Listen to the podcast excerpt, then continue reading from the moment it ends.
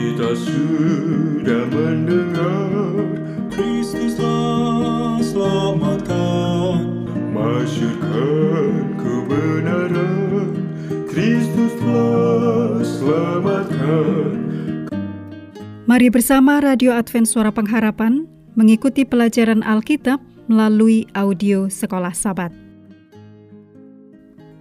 Selanjutnya kita masuk untuk pelajaran hari Jumat tanggal 21 Juli. Ini merupakan bagian pendalaman. Mari kita mulai dengan doa singkat yang didasarkan pada 2 Timotius 4 ayat 18. Dan Tuhan akan melepaskan aku dari setiap usaha yang jahat.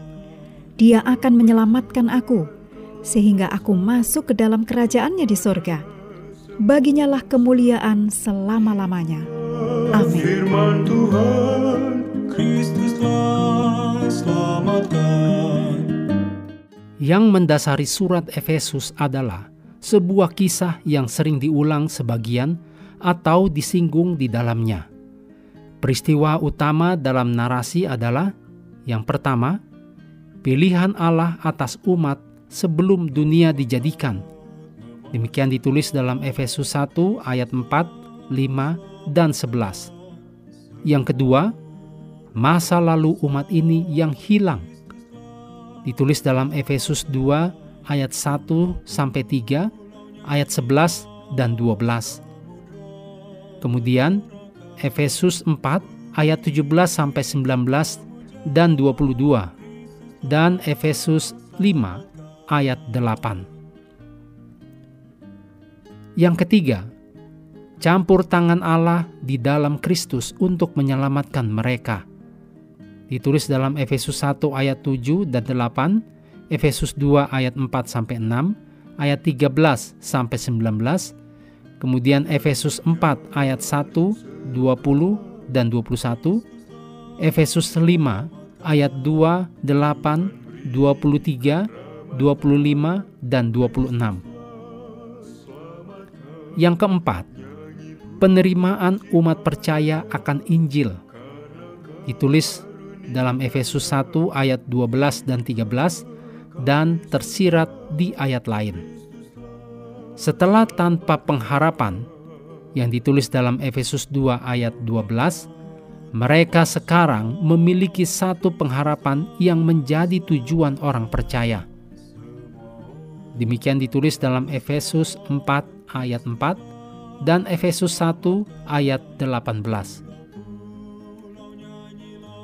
Berikutnya yang kelima, kehidupan saat ini dari para pembaca yang dituju sebagai murid.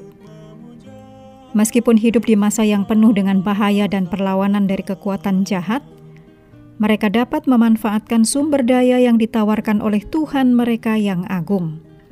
Dicatat dalam Efesus 1 ayat 15 sampai 23, Efesus 2 ayat 6, Efesus 3 ayat 14 sampai 21, Efesus 4 ayat 7 sampai 16 dan Efesus 6 ayat 10 sampai 20. Keenam, pada puncak sejarah di masa yang akan datang, peran roh sebagai penjamin ditulis dalam Efesus 1 ayat 13 dan 14 atau meterai ditulis dalam Efesus 4 ayat 30 membuahkan hasil. Pada saat penobatan ini, para penerima akan diberi upah atas kesetiaan mereka dengan memiliki warisan yang telah diberikan kepada mereka di dalam Kristus. Efesus 2 ayat 7, Efesus 6 ayat 8 dan 9. Dan melalui iman mereka kepada Kristus, mereka akan diberikan tempat di masa yang berpusat pada Kristus yang akan datang. Dicatat dalam Efesus 1 ayat 21, Efesus 2 ayat 7 dan 19 sampai 22, juga Efesus 4 ayat 13 dan 15 serta Efesus 5 ayat 27. Mengakhiri pelajaran hari ini, mari kembali ke ayat hafalan Efesus 2 ayat 4 dan 5. Tetapi Allah yang kaya dengan rahmat oleh karena kasihnya yang besar, yang dilimpahkannya kepada kita, telah menghidupkan kita bersama-sama dengan Kristus, sekalipun kita telah mati oleh kesalahan-kesalahan kita oleh kasih karunia kamu diselamatkan.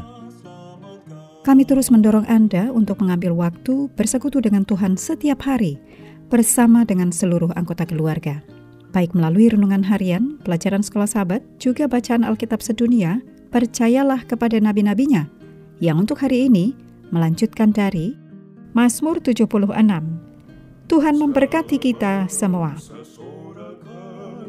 Kristus selamatkan, hayu puji dia, kabarkan pengharapan, masyurkan